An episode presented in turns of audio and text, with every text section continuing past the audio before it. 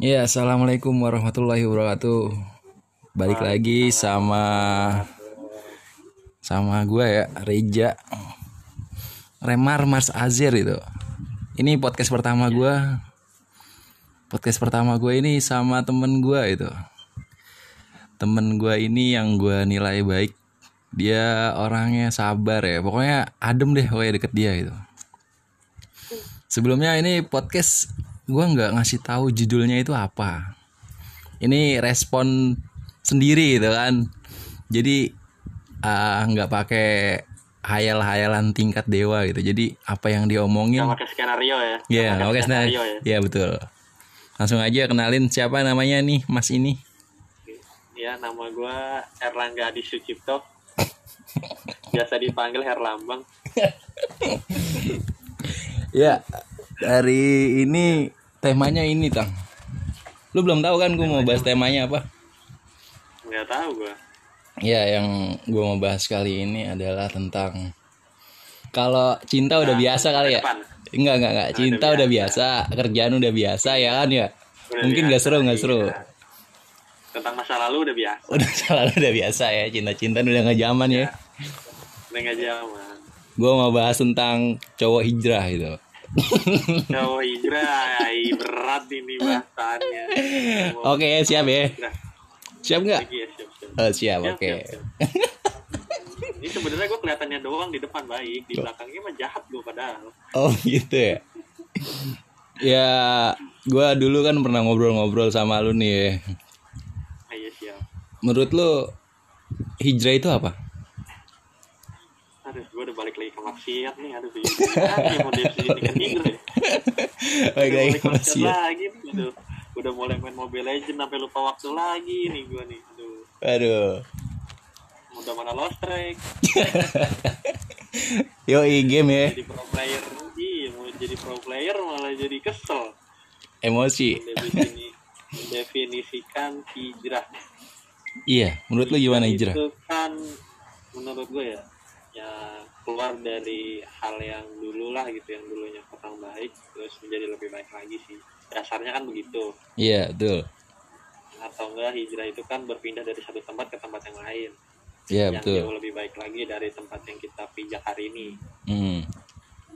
dasarnya mah gitu kalau yang menurut gua Tapi hal yang udah lu lakuin dari hijrah itu apa gitu? Mungkin kalau gue sendiri, kalau gue sendiri itu gue hijrah dari yang tadinya gue nggak sholat lima waktu, gue jadi sholat lima waktu gitu kan. Kalau lu gimana Iya, tang? ya kalau oh halo halo Iya kalau lu gimana? Iya kalau gue yang udah gue lakuin sih ya kemarin-kemarin gue sempet ngerasa keimanan gue tuh kayak naik gitu kemarin-kemarin waktu bulan-bulan lalu lah gitu jadi kayak ya ibadahnya rajin terus sho- sholat sunnahnya juga dijalani. Pokoknya sunnah-sunnah juga sampai dijalanin sih. Ya kayak kan mungkin orang mikir kayak "Eh, ah lu ngapain gitu kan sholat sholat sholat sunnah gitu. Ibaratnya ngejalanin sunnah sunnah tapi wajibnya aja lu masih berantakan gitu kan. Hmm. nah tapi kan dulu kalau gue waktu dulu kan ngejalaninnya kayak ya kalau bisa seimbang kenapa lu harus ngalahin salah satunya gitu Hmm. jadi dulu tuh gue sempat ikut kajian tentang temanya itu bertauhid Iya. Nah, jadi waktu itu sih gue ikut intinya sih eh, dulu waktu zaman Rasul itu kan ada sahabat yang eh, sahabat Rasul itu kayak yang apa mengedepankan eh, nilai-nilai yang Allah ajarin lah ke kita gitu kan. Perintah-perintah Allah semua diikutin tapi dia sampai lupa gitu. Kalau misalkan badannya dia sendiri juga butuh eh, inian butuh apa sih namanya? Butuh nutrisi juga. Jadi bukan cuman raga apa bukan cuman jiwanya aja gitu yang butuh Hmm. nutrisi tapi badannya juga butuh nutrisi gitu. Jadi Oh jadi bilang ya jadi Nabi bilang sendiri jadi ketika kita ibadah jadi kayak ada yang lindungin kita gitu kali ya. Bener nggak? Eh, iya sih itu kan salah satunya juga. Cuman kan kalau ibadah itu kan makanan buat jiwa kita juga sebenarnya ya. Hmm. kelihatannya kita itu kan eh, badannya sehat gitu kan penampilannya bagus rapi. Cuman kadang isi hati kan orang nggak ada yang tahu. Nah dengan ibadah itu kan jadi di situ kita kayak ngebentuk jiwa kita lagi buat lebih baik gitu kan kayak kita ngasih nutrisi lah ke jiwa kita kayak kita ngaji selawatan gitu kan istighfar itu kan kayak kita ngasih vitamin lah ke jiwa kita gitu jadi jiwa kita itu nggak kosong atau jiwa kita berantakan Hmm. negatif gitu gitu Iya, yang gue tahu gitu Selama ini kita mikirin dunia sih bener. Kita nggak mikirin Iya, asupan buat tubuh kita ya kan. iya jadi kayak kita tuh cuman mikir kita makan makan apa ya gitu. Makan makanan yang bernutrisi kayak makan ikan makan ayam sayur-sayuran. Itu cuman buat di badan doang. Hmm. tapi buat di jiwa di jiwa kita itu kosong. Oh iya betul gitu. betul. betul betul. jadi kalau yang dulu gitu sih yang gue ikut kajian sih gitu. Jadi sahabat Rasul tuh ada yang sampai dia itu sholatnya rajin banget gitu kan. Sampai sholat tahajudnya rajin apa segala macamnya rajin tapi dia lupa kalau badannya dia itu juga butuh pakaian bagus Hmm. bukan pakaian bagus ya dalam artian kayak badannya itu butuh pakaian yang layak lah gitu yang nggak jelek tapi nggak bagus juga nggak terlalu mewah lah gitu ibaratnya tapi pantas gitu terus Hmm. juga dia eh, istrinya kan juga butuh eh, ini juga kan butuh namanya butuh kayak di ya dikasih sayangi gitu kan di Ah, manja-manja gitu Iya. ya kan. Tuh, jadi dulu tuh sahabat Rasul tuh eh, waktu datang ke rumahnya si istrinya itu bilang gitu kalau misalkan istrinya itu kayak ya eh, ya dia nggak kasar sih cuman ibadahnya itu terlalu ini banget lah berlebihan gitu. Jadi segala sesuatu yang berlebihan kan berlebihan kan nggak bagus. Jadi Rasulullah tuh ngasih contoh ke dia nggak salah gitu ibadah gitu sampai kakinya lecet gitu apa segala macem badannya sampai eh, apa namanya nggak berhenti berhenti buat ibadah gitu nggak salah cuman ada kalanya kan harus seimbang gitu kan hmm. Gitu. jadi ya itulah ya yang dibilang Rasulullah itu manusia paling sempurna di jagat raya ini ya emang itu jadi dia menjadi suri toladan buat segala umat sebenarnya buat seluruh umat manusia yang hidup di bumi sih kalau yang menurut gua tahu sih gitu jadi Rasul tuh orang yang paling sempurna lah gitu di antara nabi-nabi yang lain juga Rasul orang yang paling sempurna kan Iya, iya. berarti bener nih ya gue bahas cowok hijrah. Contohnya Rasul ya kan ya. Karena Rasul dulu juga Iya. pernah galau kali ya. kalau buat galau sih pasti pernah galau kan kayak waktu dulu Rasul disuruh eh, dikasih wahyu pertamanya kan disuruh baca ikro gitu kan disuruh Iya. baca sama malaikat kan juga. Rasul bingung gitu kan ibaratnya bingung gimana mau baca sama nulis. Dia aja nggak bisa gitu. Sedangkan malaikat Jibril masih neken dia buat eh, baca baca gitu. Jadi perintah dari Allah gitu dia disuruh Rasul itu disuruh baca. Bisa baru kan di situ nanti dia belajar bisa belajar dan tulis. Kan waktu itu sempat ada orang kafir kan yang bilang kalau eh, siapa nabi kalian gitu. Oh nabi yang nggak bisa baca sama tulis gitu. Jadi dulu rasul itu di kalangan orang-orang kafir itu terkenal nabi yang nggak bisa baca dan tulis. Hmm, itu kekurangannya ya. Iya menurut orang-orang kafir gitu. Karena memang dulu kan siapa gitu yang ngajarin kayak gitu gitu kan. Sedangkan eh, nabi-nabi yang sebelumnya kan ibaratnya kan gagal kan yang nabi-nabi sebelum rasul itu kan gagal buat eh Ngebangkitin umat ya. buat Hmm. apa namanya Menyempurnakan ngasih- ya kan? ngasih arahan Hmm. Ah, buat ngasih arahan ke umat-umatnya itu kan gagal semua kan umat-umatnya dibinasakan kan kayak Ya. Nabi Nuh kan semua dibinasakan jadi nggak ada uh, penerus-penerusnya yang bisa ngasih tahu Rasul gitu jadi ya Rasul belajar dari wahyu dari Allah sama dari malaikat Jibril kan Iya. Tapi gitu. terlebih nih kita refresh dulu. Jujur aja ya. banget ini kontennya agama nih kontennya agama nih aduh Oke, salah. Gila. Lalu ada ada yang denger, ada yang denger terus penyampaian gue salah ntar gue masuk penjara Enggak, enggak santai ya. Pokoknya ntar di akhir segmen kita kita ucapin yang baik. mohon maaf nih ini kan eh, ini kan mohon maaf nih gue juga kan masih belajar nih mungkin salah-salah kata atau penyampaian mungkin bisa dikasih masukan juga ya kan Iya, iya. Pokoknya yang ntar di akhir segmen kita klarifikasi tang, selalu aja. Iya. Tapi terlebih dari yang kita bahas ini kan cowok hijrah gitu. Gak mungkin dong kita tiba-tiba hijrah ya kan. Sebelumnya ada apa yang bisa membuat lu hijrah gitu kan ya. Oke benar berarti sebab dan akibat ya kan. Yo, tujuan dan masalah biasa.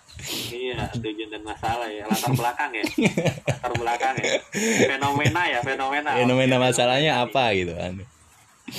Iya, pertama sih dari judul dulu sih gue ya. itu Iya, ya, selamat selamat. pengaruh tersakiti Pengaruh tersakiti. dikhianati terhadap Terhadap keinginan. iya terhadap keinginan hidup yang lebih baik lagi. Ngomong apa sih? ya jadi dia awalnya sih gara-gara apa ya gara-gara kecewa lah kecewa. Sih jadi menaruh harapan yang lebih gitu ternyata kecewa. Kecewa karena? Tuh kecewa karena ya itu Eh, ntar dulu, ntar harapan dulu nih, ntar dulu. Lu naruh harapannya sama siapa gitu kan ya? Yang menaruh harapan yang lebih kepada seorang wanita namun dikecewakan Oh, pada seorang wanita gitu. Berarti Iya. berarti gak ada Itu menaruh harapan kepada manusia lah gitu Oh, ber- berarti berarti seorang wanita yang bikin lu hijrah gitu kan. iya seorang wanita yang membuat alasan sih alasan jadi alasan ini Hmm, jadi alasan seorang wanita gitu tapi gue bukan juga karena dia sih sebenarnya bukan Oh. karena dia bukan karena dia. Iya. Gue juga bingung ya. alasan. Gue bingung kenapa sih eh, kita hijrah setelah sakit hati gitu kan. Seharusnya kita hijrah tuh dari diri sendiri gitu. Tanpa harus sakit hati kita harus sudah hijrah. Tapi kenapa di saat kita dijatuhkan baru kita hijrah gitu? Seharusnya nggak begitu. Iya sih benar. Harusnya sebelum lu merasa sakit lu harus berubah dengan sendirinya. Harusnya sebelum kita lu kecewa ya sebelum lu kecewa lu harus bisa jadi lebih baik lagi gitu. Tapi sih menurut gue sih enggak sih. Menurut gue apa ya? Menurut lu gimana? Kalau nah, kalau menurut gue itu sesuatu hal yang tanpa ada landasan yang kuat itu dia nggak bakal bisa terbang lebih tinggi lagi. Contoh lah landasan yang kuat dia tidak bisa lebih tinggi lagi? Iya con- contohnya lah pesawat terbang lah. Hmm. kalau landasannya itu aspalnya jelek bisa nggak sih pesawat itu terbang dengan kecepatan tinggi? Oh berarti ada masalah ya di situ ya? Mungkin. Hmm. iya harus ada masalah. Karena tanpa ada masalah ya lu nggak bisa kan. Lu bisa jadi lebih baik lagi. Ya kayak film Naruto lah. Kenapa itu? Eh ya kan dia kan musang ekor sembilan kan. Eh, eh. dijauhin sama warga ya kan. Oh, terus disakitin ya kan. Ah. di di cemooh ya kan diejek-ejek tapi nyatanya dia pas udah gede dia jadi Hokage ya kan? Iya bisa dia menggapai cita-citanya. Iya betul betul. Gitu. Jadi orang itu kalau misalkan nggak dikasih rasa sakit nggak dikasih rasa pahit itu nggak bakal bisa jadi sukses sih kalau kata gua. Tanpa adanya itu. Tapi kalau menurut gua ya setelah pengalaman gua ya emang bener kita itu disakitin dulu terus hijrah. Dan dari hijrah ini gua ngerasa lebih baik gitu bener gak sih? Apa lu ngerasain juga kayak gitu? Ngerasain gue ngerasain sih dulu. Cuman karena gue sekarang kembali ke maksiat ya itu ya gue balik lagi main game ya kan. Gue lupa waktu ya itu. Jadi kayak ya bener sih. Jadi tingkat keimanan seseorang itu tergantung perilakunya dia sehari-hari sih. Itu yang pernah gue dengar dari Ustadz Hadidaya jadi eh, maksiat yang kita lakuin itu sebenarnya nggak jauh dari apa yang kita sering lakuin setiap hari Ntar lu dah, ntar lu dah. Koreksi diri aja kenapa sih dari tadi lu ngomong kalau game itu maksiat gitu? Ada apa sama game dan maksiat gitu? kalau game menurut gue tuh game game ini karena gamenya bikin kecanduan ketika lu kalah lu ngerasa bukan makin udahan tapi pengen lagi Penasaran gitu? penasaran iya bener intinya sih penasaran sih kok gua kalah mulu gitu sampai lu lupa waktu Hmm, Giliran jadi lu itu menang, namanya lu maksiat. main lagi iya giliran lu menang lu pengen men- naruh target gua harus bisa menang lagi lagi lagi gitu jadi Hmm. kayak bukan main game itu kayak kayak dulu kan mungkin waktu kita kecil kan kita main game apa dingdong ya kan Iya. main dingdong gitu kan kayak main dingdong kan kayak ah, nggak ada target lah gitu lu main buat happy happy aja gitu kan lu Hmm. main PS main PS ya buat happy happy aja lu main sama temen lu main bola ketawa-tawa kalah ya diledek-ledekin gitu doang kan kalau ini kan game online kan game merasa gue beda gitu kayak merasa ada target lah di dalam game itu tuh target yang harus gue lampaui gitu Sampai divisi tertinggi ya. bikin ketagihan iya itu yang bikin jadi ketagihan tuh di situ gue Baik lagi nih soal hijrah nih. Ya mungkin di umur kita yang segini ya sama lah ya lu sama gua gitu kan. Umurnya masih 24 tapi ngelihat 17 lah ya. tapi ngelihat temen-temen yang di umur sama kayak kita mereka udah bahagia gitu. Bahagia dalam arti kita ngelihat dia dia udah nikah dia udah punya anak dia udah pekerjaannya matang punya mobil punya rumah dan segala macam. Itu pandangan lu gimana? Dari cowok hijrah gitu kan? Ya kalau menurut gue pribadi ya eh, gua itu di dekat rumah gua ada kayak bocah sepantaran gue juga sih cuman gue nggak kenal. Hmm. Jadi gue tuh kalau ngeliat gitu kayaknya enak gitu. Iya sama. Kayak ngeliat dia tuh ibadahnya rajin. Kalau gue ngeliatnya bukan dari segi materi ya atau dia udah nikah atau apa gitu ya. bukan menurut gue kalau yang kayak gitu gue pribadi juga nanti bakal ng- ngalamin ibaratnya beli mobil. Ya bisa lah gitu. Kalau pengen beli mobil ya bisa. Iya bisa. Nikah bisa. Bisa. bisa. Tapi nggak ada calonnya jadi nggak bisa. Ya Ya. modalnya modalnya juga kepake mulu kan modal kepake Nggak, tapi kalau diniatin mah pasti bisa lah gitu ya. Oh, yakin ya? Yang Eh, ya yakin. Cuman yang gue lihat ini marbot di deket masjid apa marbot di masjid dekat rumah gue ini setiap gue lihat itu gue kayaknya ngeliat dia enak gitu ya. Padahal apa tiap hari tuh tiap pagi kalau gue berangkat kerja gue ngeliat dia itu dia itu antar jemput telur. Sederhana kerjanya sederhana banget. Sederhana. cuman setiap kali soal apa lima waktu gue sering ngeliat dia datang lebih dulu. Bukan karena dia marbot ya. Hmm. Sebenarnya ada lagi sih marbotnya marbot utamanya ada lagi cuman dia tuh kayak lebih aktif di masjid gitu kan. Jadi eh, setiap lima waktu dia selalu ada lebih dulu. Dan gue liat tuh waktu itu dia sering banget ngaji.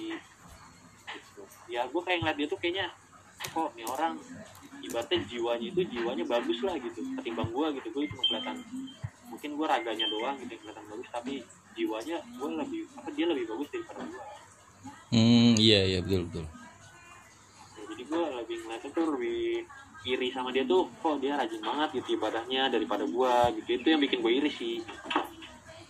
Berarti eh materi itu nggak penting ya, yang penting itu jiwa ya. Jadi kita tuh harus ingat sama jiwa kita gitu. Walaupun kita Ya. di hadapan nyata kita itu kita mencari dunia, tapi kita jangan lupa sama jiwa kita gitu kan ya. Iya. Jiwa itu artinya ibadah ya. mungkin uh, dia ngelihat gue enak kali ya dia ngelihat gue tiap pagi nih orang berangkat kerja punya kerjaan tetap mungkin dia ngeliat gue enak gitu kan gitu tapi sebaliknya gue ngeliat dia tuh enak jadi kayak kayak ya itulah yang saling kekurangan itu. Jadi gue setiap pagi tuh kayak ngeliat dia dia kayak ngeliat gue gitu kayak sama-sama saling lihat. Mungkin dalam hatinya dia ini orang enak banget sih tiap hari berangkat kerja punya kerjaan tetap gitu kan. Gitu. Sedangkan gue gue ngeliat dia tuh enak kayaknya kerja antar telur gitu kan. Nah, ibadah ya. gitu kan. Iya cuman di situ dia punya nilai ibadah. Setiap dia datang apa ibadah dia nganterin telur kan dia juga ibadah kayak apa berhubungan sama orang-orang lain gitu kan Hmm. Jadi intinya rumput tetangga lebih indah ya.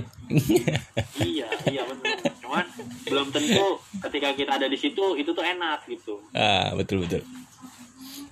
gitu sih kalau gue sih nggak iri sih gue nggak iri kayak ah, teman gue kayak junior gue lah junior gue deh yang baru masuk kerja 6 bulan Hmm. udah beli mobil gue sih nggak ngiri mobil. Terus ah, bukannya apa namanya gue mikir ah gue udah kerja lima tahun gue nggak punya mobil gitu. Enggak sih gue menurut gue ah gue bisa lah kalau gue gue niatin gue punya mobil juga gue bisa. Cuman karena gue emang nggak niat. Karena menurut gue mobil itu sesuatu hal yang bukan yang penting sih. Selama masih ada yang disewain kenapa gue harus beli? Kalau gue gitu. Hmm, karena itu cuma dipakai sekedar lah ya. Kita kan kebanyakan naik motor kali gitu. Nah itu kecuali motor ya Hmm. motor nggak mungkin dong yang tiap hari Ya ini udah 20 menit masih gue masih butuh 10 menit lagi tang. nah lu mau sampai maghrib juga ayo gua Karena ini podcast pertama gue judulnya juga cowok hijrah ya. Gue juga sebenarnya lagi nyoba buat hijrah buat lebih baik lagi. Soalnya kenapa kalau kita nggak sadar siapa yang nyadarin kita gitu ya kan? benar Nah terus yang namanya target gitu. Sekarang jujur aja ya, gue kayak gini, gitu. kayak gini dalam arti gue udah jadi yang lebih baik dan gue dijauhin sama sama cewek-cewek semuanya gitu. Nah terus ya terus sekarang gue cuma berharap gini loh, gue gue berharap kayak gini. eh, siapa pun nanti yang deket sama gue, mungkin dia datangnya dari dari Allah gitu lu kayak gitu apa kayak gimana? Ngerasain sama yang kayak gua rasain apa emang lu ada opsi lain gitu? Eh, kalau gue pribadi sih ada opsi lain sih. Hmm, kayak gimana gimana gimana? Jadi semua sih tergantung dari pribadi sendiri. Ah. Hmm, jadi kayak misalkan lu nih mungkin lu sekarang ibadahnya lagi tinggi tingginya lah gitu.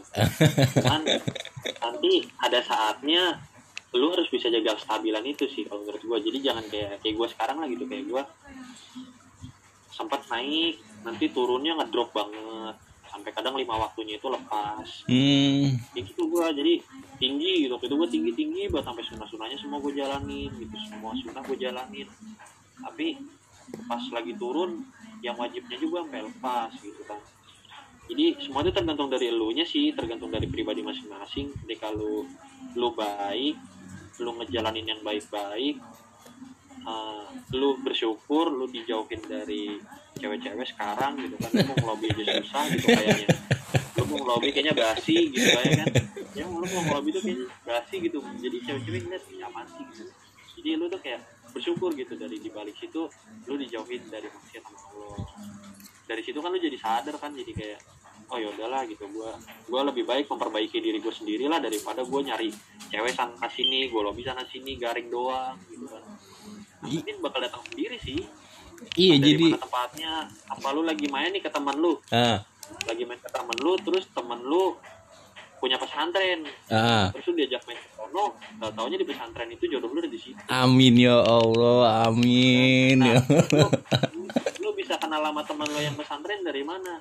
Ya mungkin lu pernah kajian sama dia bareng lu Eh. sengaja ngobrol bareng. Nah kan berarti dari kajian itu kan berarti lu udah ngerubah pribadi lu dong. Lu pengen Iya. belajar baik lagi. Gitu intinya sih gitu sih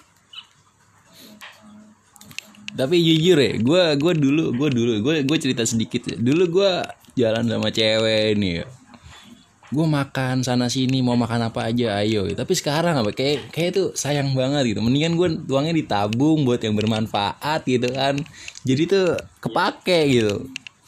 Iya bener emang ada masanya sih ada masanya. Bener jadi gue ngerasa sekarang gue kayak eh kita harus hijrah gitu. Dan di dalam hijrah ini emang sih gue nggak gue nggak bisa sendiri gitu.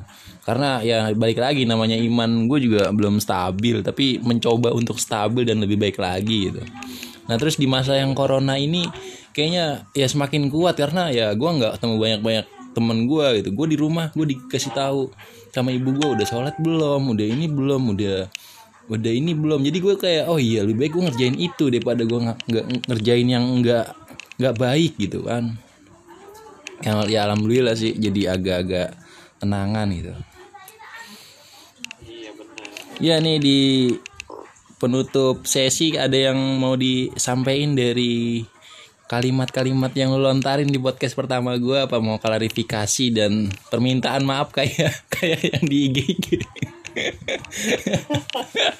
ya kalau nah, ada beberapa sih yang mau gue samain sih ketika lu ibaratnya apa ya kayak mungkin kita kita yang tadinya kurang mendalami dalam agama kita sendiri ya.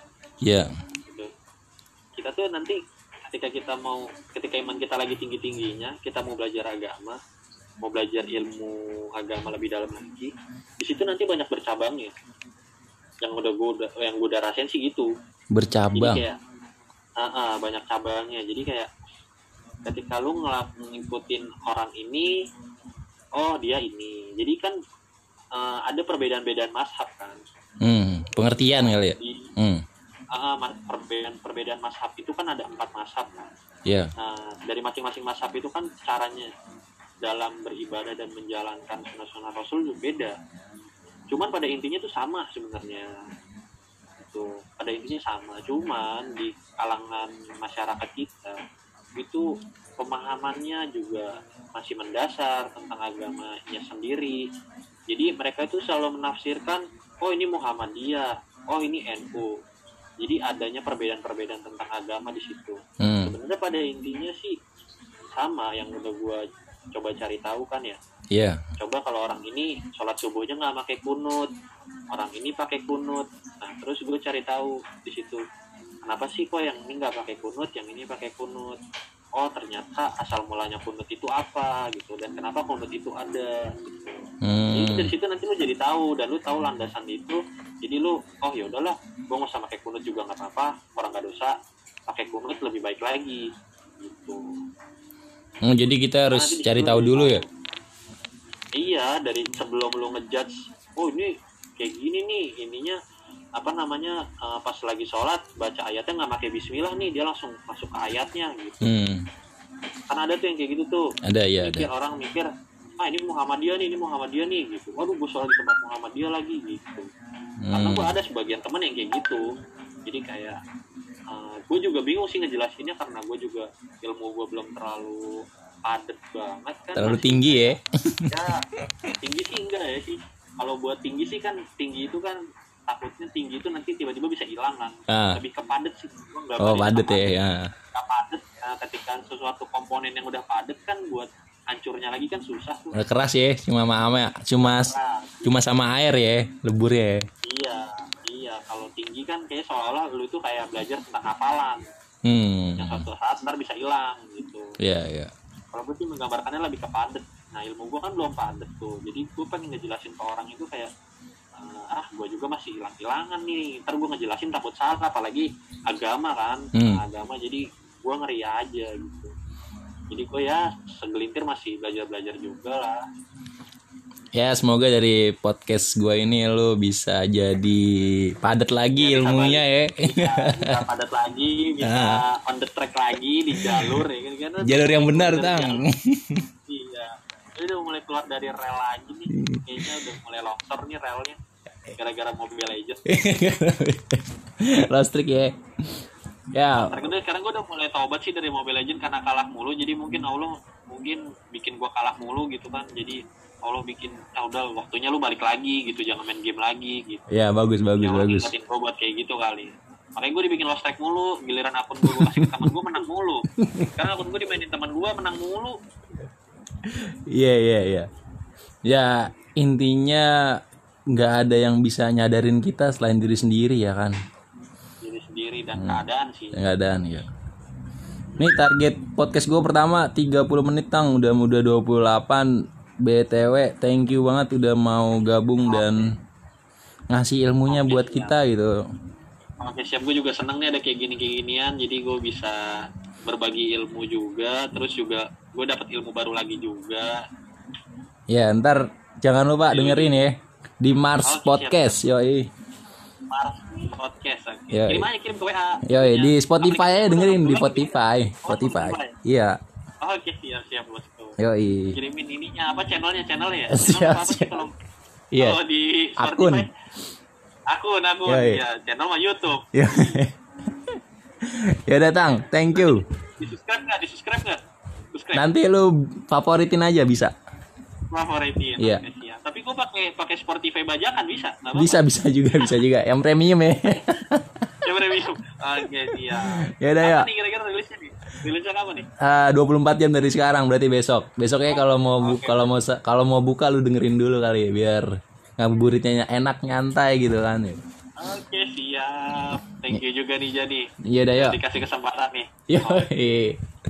Thank you Tang. Assalamualaikum warahmatullahi wabarakatuh. Waalaikumsalam warahmatullahi wabarakatuh. Ya, barusan kita dapat ilmu baru dari Bambang ya.